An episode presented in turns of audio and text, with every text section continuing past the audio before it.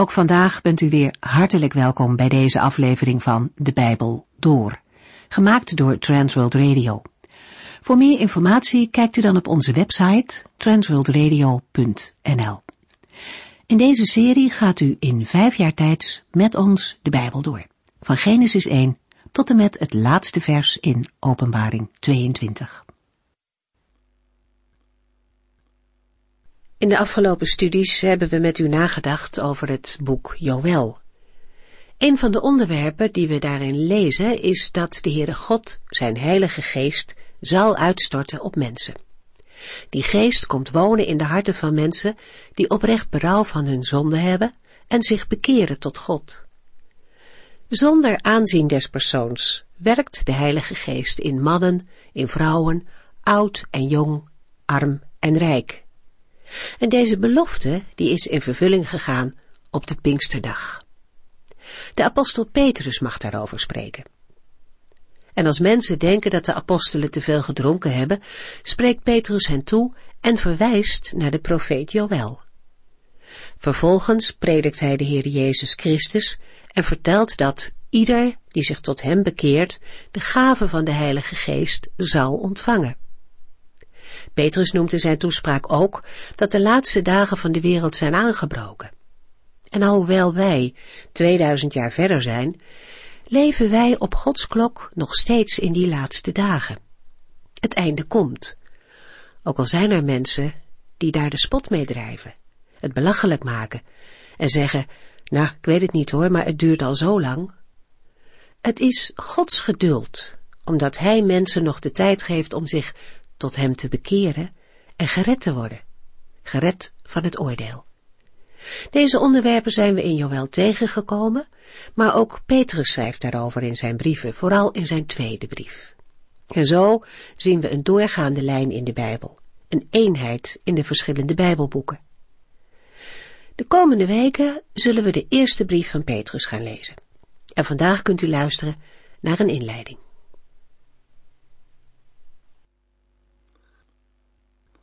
Een groep van zeven nieuwtestamentische Bijbelboeken worden de katholieke brieven genoemd. Het zijn de twee brieven van Petrus, de drie brieven van Johannes, de brief van Jacobus en de brief van Judas. Het woord katholiek betekent algemeen. Er wordt mee bedoeld dat deze brieven niet gericht zijn aan één christelijke gemeente in het bijzonder, maar aan de hele kerk van Jezus Christus. De eerste brief van Petrus wordt gekenmerkt door een grote rijkdom aan gedachten. Het is een brief vol troost en vermaning voor de gemeente van Jezus Christus. Het is een brief die gaat over het vreemdelingschap van de gelovigen en de kerk hier op aarde. Afhankelijk van hoe een gelovige reageert op vervolging, kan een reactie groei of bitterheid veroorzaken in het leven van een christen. In zijn schrijven aan Joodse gelovigen die te kampen hebben met vervolgingen, spoort de apostel Petrus hen aan zich moedig te gedragen ten behoeve van de persoon en het werk van Jezus Christus.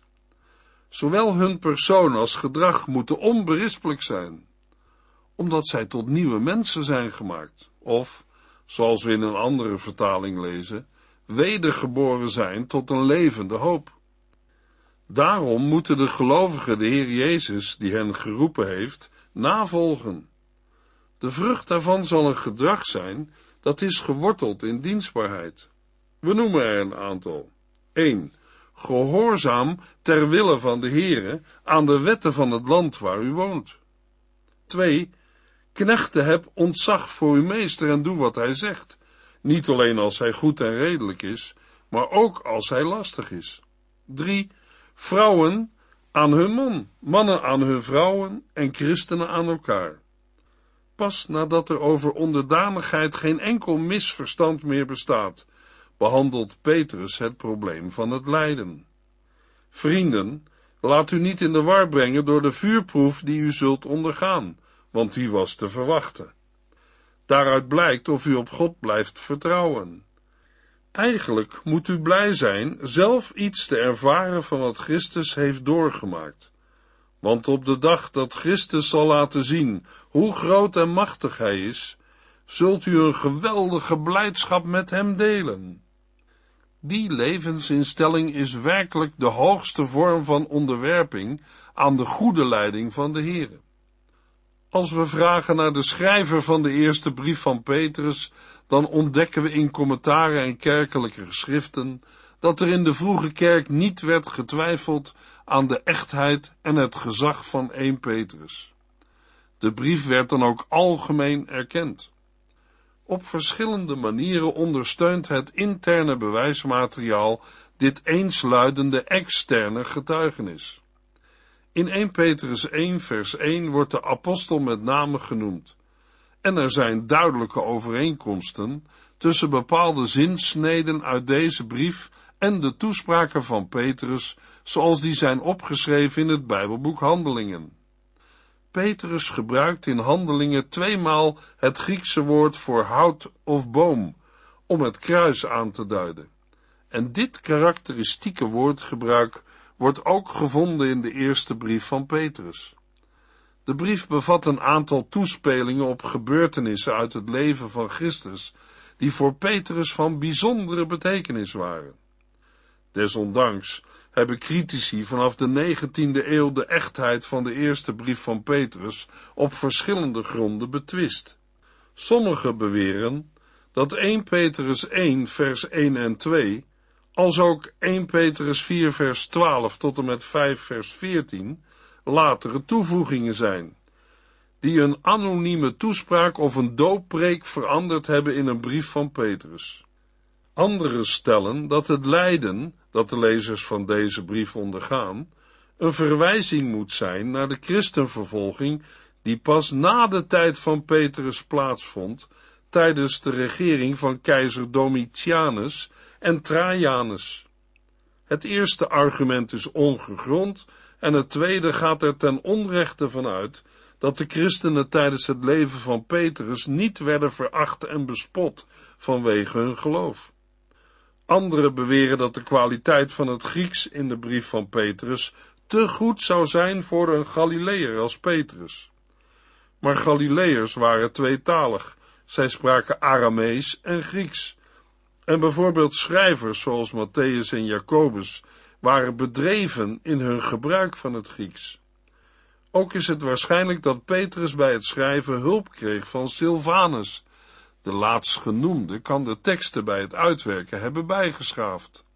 De eerste brief van Petrus is gericht aan de christenen die als vreemdelingen in Pontus, Galatië, Cappadocië, Azië en Bithynië wonen, of, zoals we in andere vertalingen lezen, aan de vreemdelingen die in de verstrooiing zijn.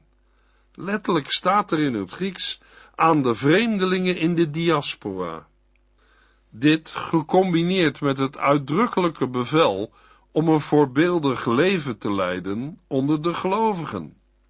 Voor het woord ongelovigen staat in het Grieks heidenen, dat wil zeggen de niet-Joden, en dat doet vermoeden dat het grootste deel van de lezers mogelijk Joodse christenen zijn geweest.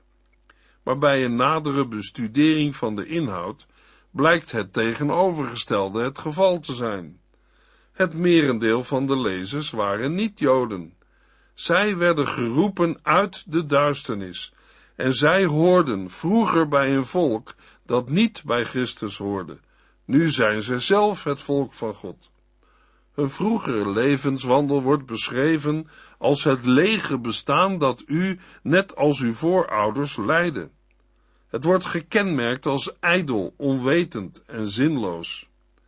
In 1 Petrus 4 vers 3 lezen we, er is genoeg tijd verknoeid met wat de ongelovigen fijn vinden.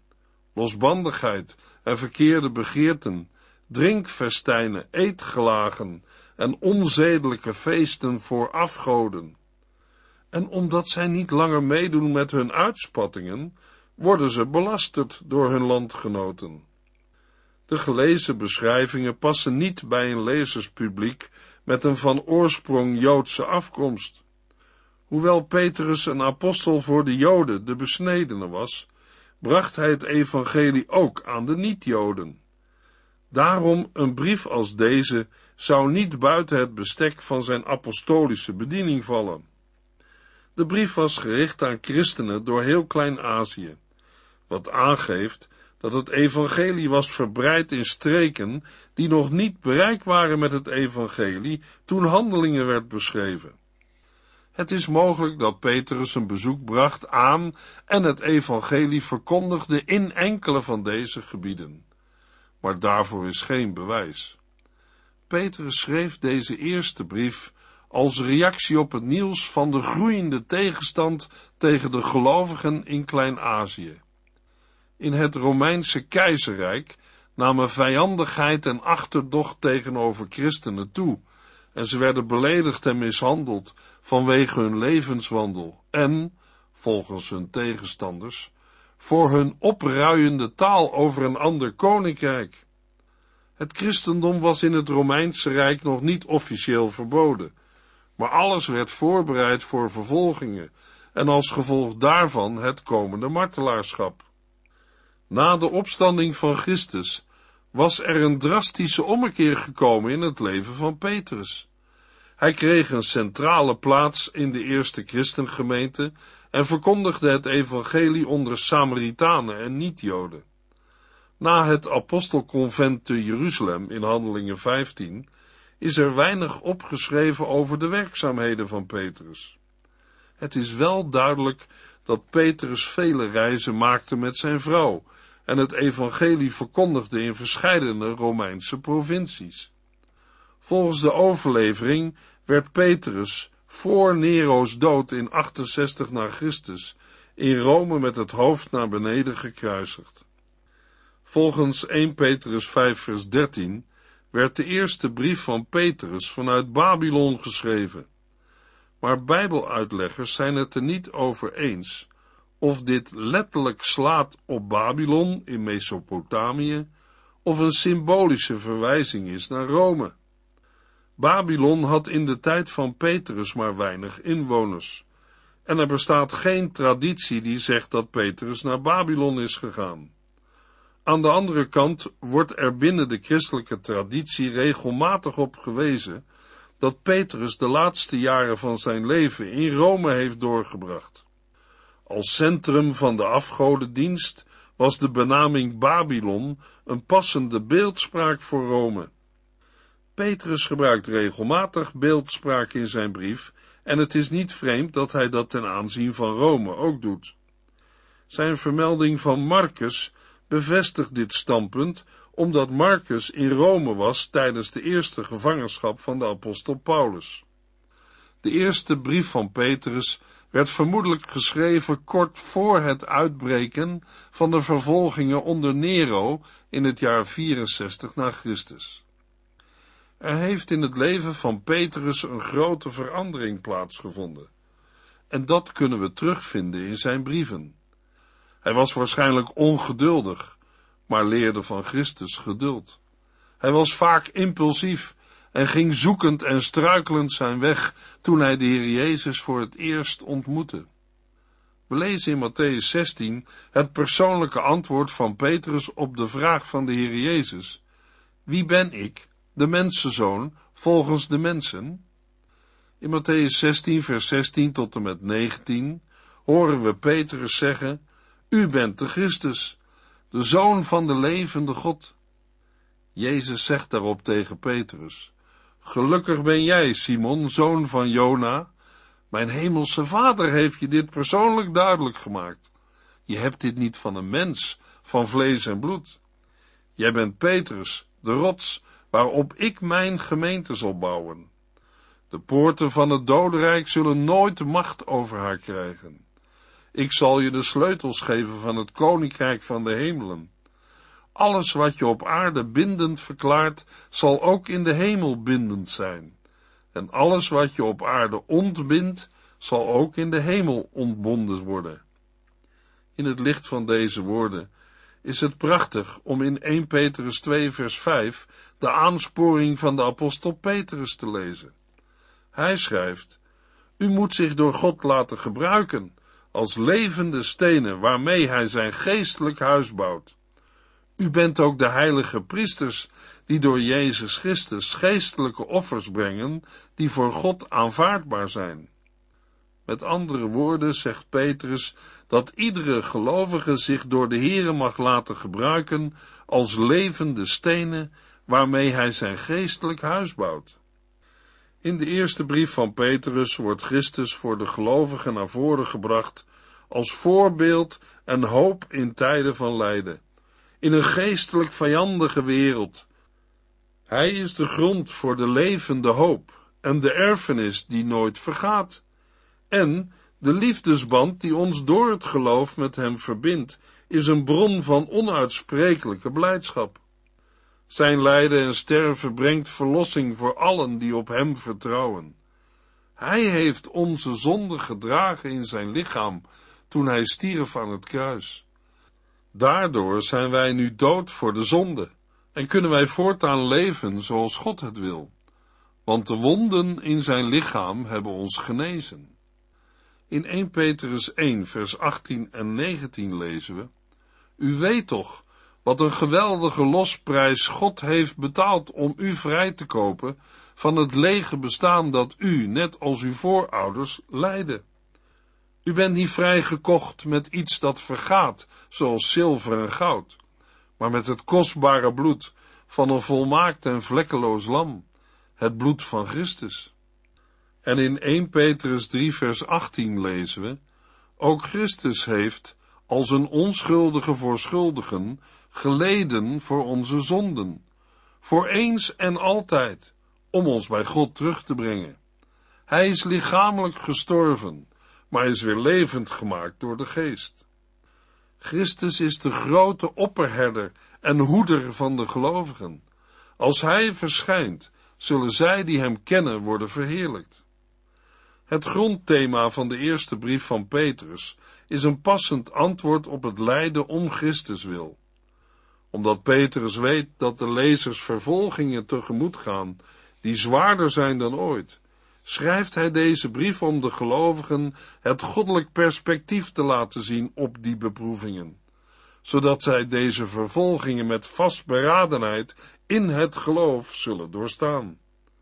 Ze moeten zich niet verwonderen over deze vuurproef, omdat degene die zij volgen ook leed en stierf. Petrus schrijft in 1 Petrus 2 vers 21, Al dit lijden hoort bij het leven waartoe God ons geroepen heeft. Christus die voor u geleden heeft, is het voorbeeld dat u moet volgen, en in zijn voetstappen moet u treden. En in 1 Petrus 4 vers 1 en 2 lezen we, omdat Christus voor ons geleden heeft en gestorven is, moeten wij ons wapenen met dezelfde innerlijke overtuiging als Hij. Want wie in dit bestaan geleden heeft, houdt op met zondigen. Zo iemand laat zich gedurende de rest van zijn leven niet meer leiden door de slechte verlangens van de zonde, maar zal de wil van God doen.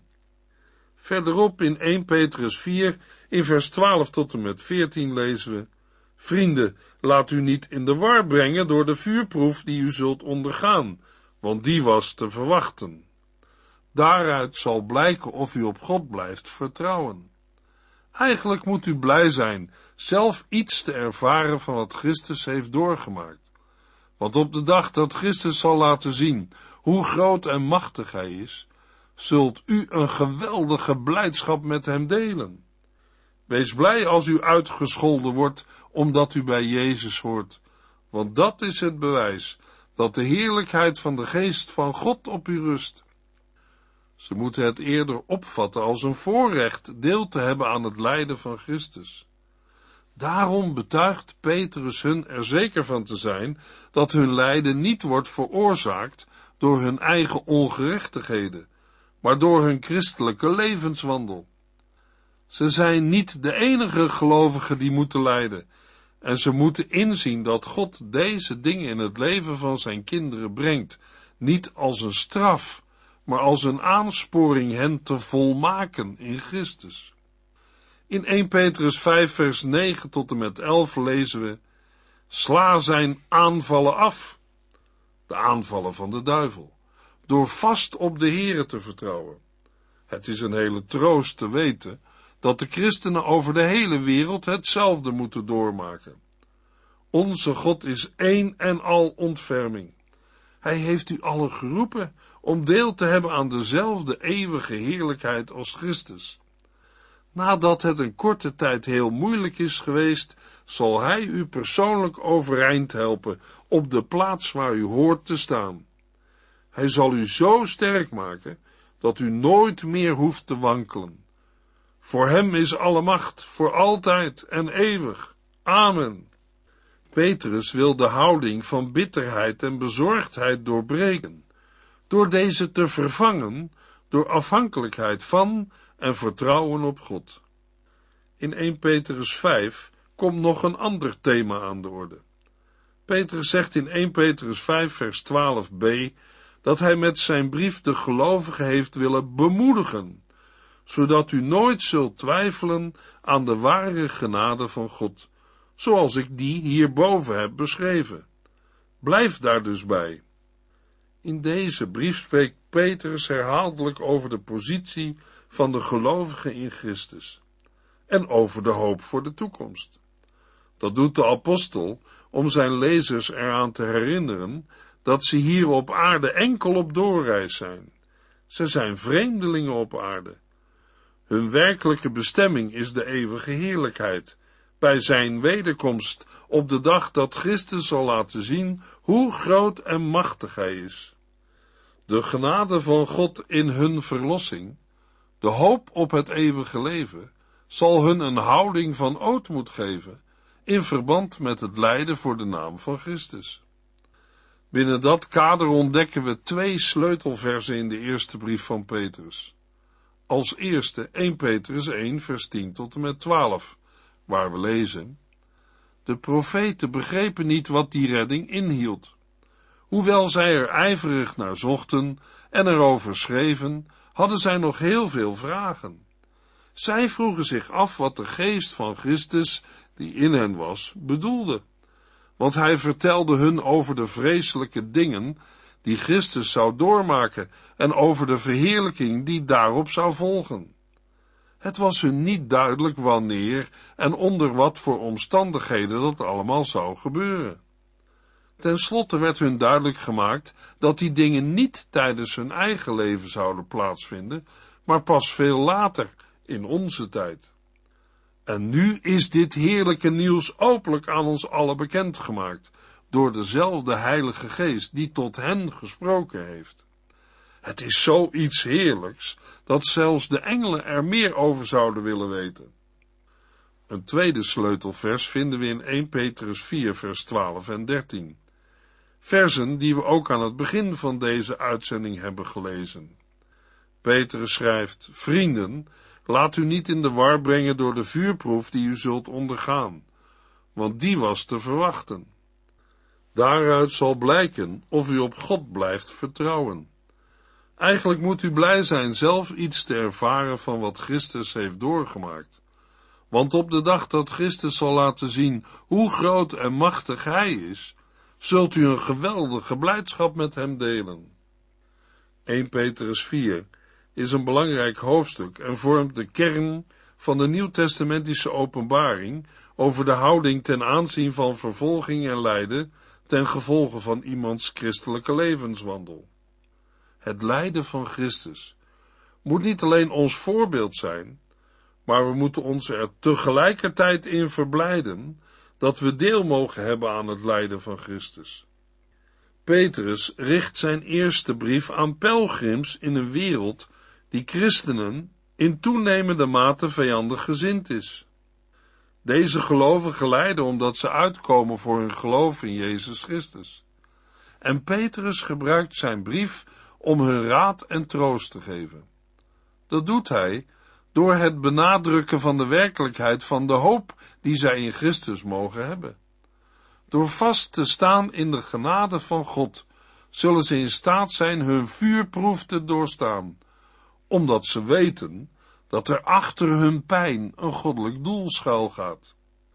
De eerste brief van Petrus behandelt stap voor stap drie aspecten, namelijk één, de verlossing van de gelovige in 1 Petrus 1 vers 1 tot en met 2 vers 12. 2. De onderworpenheid van een gelovige in 1 Petrus 2 vers 13 tot en met 3 vers 12. En 3. Het lijden van een gelovige in 1 Petrus 3 vers 13 tot en met 5 vers 14. Petrus, die zijn brief aan gelovigen in verschillende Romeinse provincies richt, beschrijft in zijn aanhef in enkele woorden het reddingswerk van de drie-enige God. Daarna prijst hij de Heere voor de rijkdom van deze verlossing, door deze te belichten vanuit drie tijdsperspectieven, namelijk vanuit de toekomst, het heden en het verleden.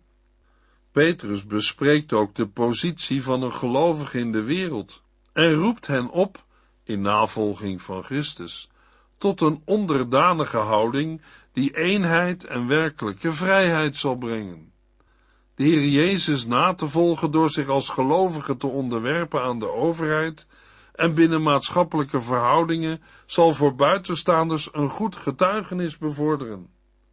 Omdat Petrus voorziet dat de groeiende tegenstand tegen het christelijk geloof voor sommigen zal inhouden dat ze hun geloof en levenswandel zullen moeten verdedigen, moedigt hij hen aan daartoe bereid te zijn.